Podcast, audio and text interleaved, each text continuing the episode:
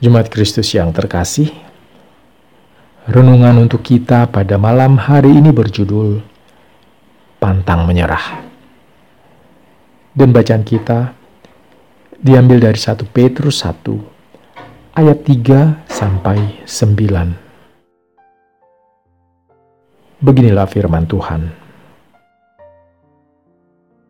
Terpujilah Allah dan Bapa Tuhan kita Yesus Kristus yang karena rahmatnya yang besar telah melahirkan kita kembali oleh kebangkitan Yesus Kristus dari antara orang mati kepada suatu hidup yang penuh pengharapan.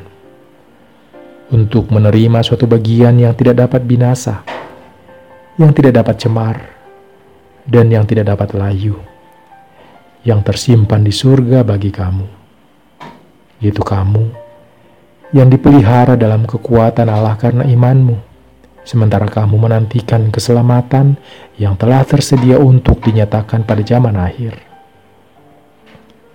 Bergembiralah akan hal itu. Sekalipun sekarang ini kamu seketika harus berduka cita oleh berbagai-bagai pencobaan. Maksud semuanya itu ialah untuk membuktikan kemurnian imanmu yang jauh lebih tinggi nilainya daripada emas yang fana yang diuji kemurniannya dengan api, sehingga kamu memperoleh puji-pujian dan kemuliaan dan kehormatan pada hari Yesus Kristus menyatakan dirinya. Sekalipun kamu belum pernah melihat Dia, namun kamu mengasihinya. Kamu percaya kepada Dia, sekalipun kamu sekarang tidak melihatnya. Kamu bergembira karena sukacita yang mulia dan yang tidak terkatakan, karena kamu telah mencapai tujuan imanmu, yaitu keselamatan jiwamu. Penderitaan adalah bagian dari hidup manusia yang akan terus ada dalam berbagai bentuk. Kita semua pernah, sedang, dan akan mengalami penderitaan bukan karena Tuhan tidak sayang kepada kita, melainkan keterbatasan manusiawi kitalah yang menjadi penyebab kita mengalami pergumulan. Penderitaan yang sedang dialami juga tak selalu mendatangkan keburukan bagi kita. Ada banyak cara Tuhan berbicara kepada kita melalui penderitaan-penderitaan yang kita alami.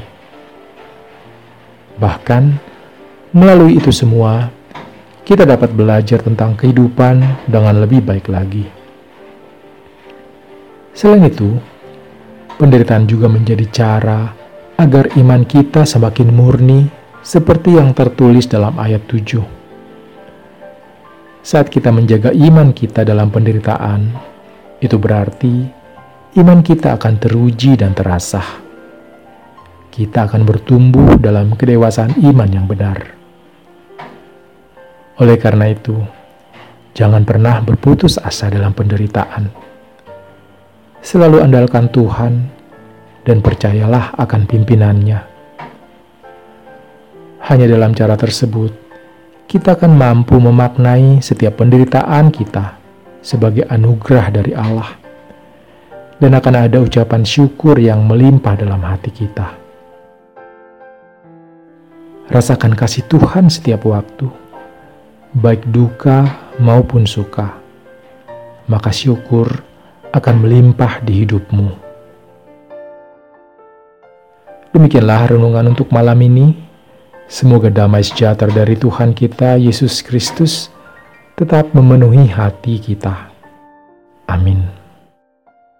Dan sekarang, marilah kita melipat tangan dan bersatu hati untuk menaikkan pokok-pokok doa yang ada dalam gerakan 221 GKI Sarwa Indah.